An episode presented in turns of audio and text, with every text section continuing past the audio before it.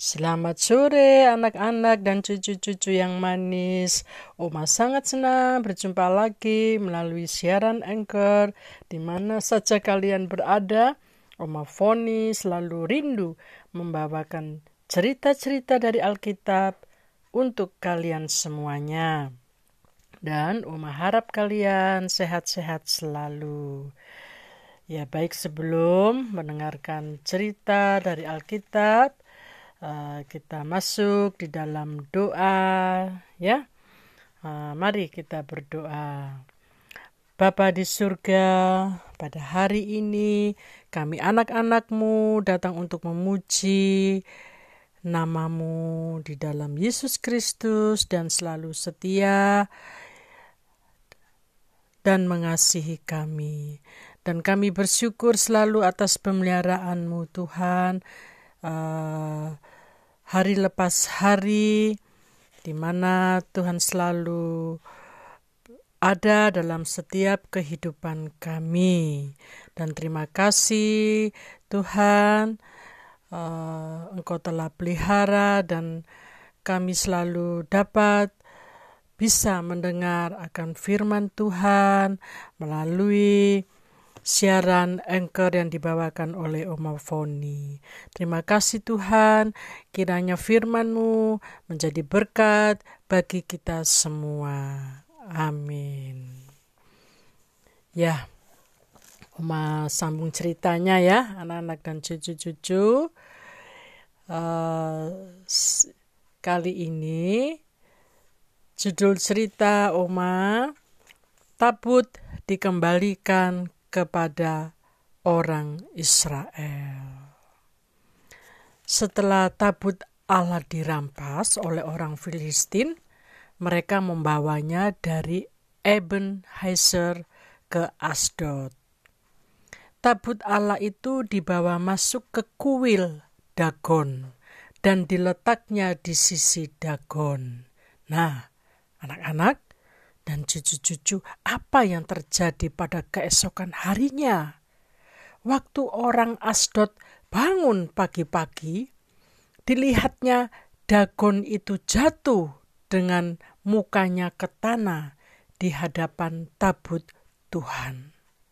Lalu diangkatnya lah Dagon itu dan dikembalikan ke tempatnya.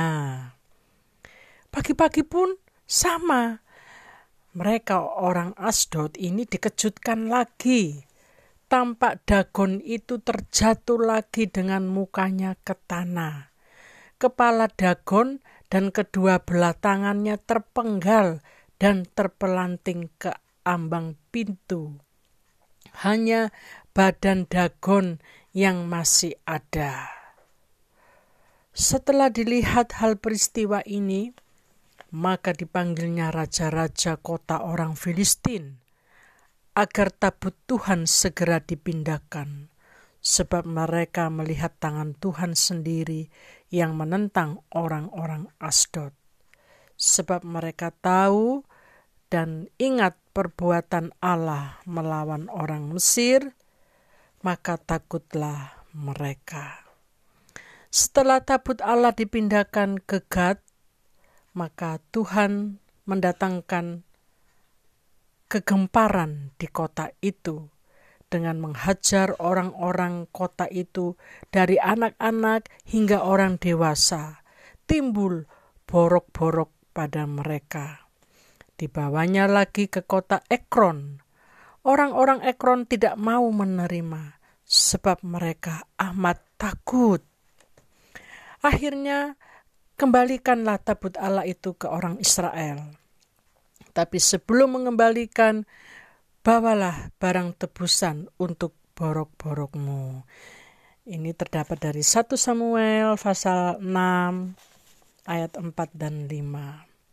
Kemudian diangkat dan diletakkan tabut Tuhan ke atas kereta dan juga letakkan benda-benda emas yang harus kamu bayar kepadanya sebagai tebusan salah. Dan tabut Allah ini pun digiring dan diikuti oleh raja-raja Filistin sampai ke daerah Bet Semes. Waktu itu, orang-orang Semes lagi menuai gandum. Waktu mereka melihat tabut Tuhan, bersukacitalah mereka. Orang-orang suku Lewi langsung menurunkan tabut Tuhan dengan sebuah peti yang berisikan benda-benda emas tadi. Akhirnya, orang-orang Betsemes mempersembahkan korban sembelihan kepada Tuhan. Setelah selesai dilihatnya itu semua, pulanglah raja orang Filistin ke Ekron. Jadi inilah uh, benggol-benggol emas yang dibayar sebagai tebusan salah dari Asdod satu, dari Gaza satu, dari Askelon satu, dari Gad satu, dari Ekron satu. Dan diletakkan tabut Tuhan di ladang Yosua, orang Betsemes itu. Ada orang-orang Betsemes yang berusaha melihat ke dalam tabut Allah matilah mereka sebanyak 70 orang.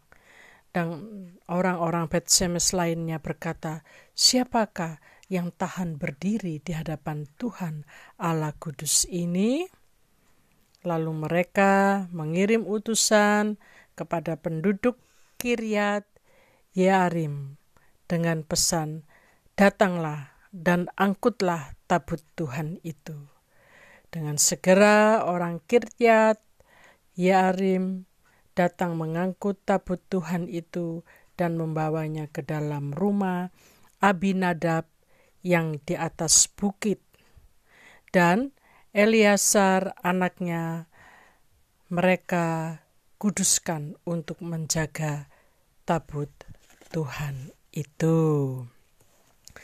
Ya, demikianlah cerita dari Oma untuk anak-anak serta cucu-cucu semuanya. Lain waktu ada kesempatan pasti Oma sambung lagi ya ceritanya. Jangan lupa berdoa dan harus rajin belajar. Tuhan Yesus memberkati kalian semua.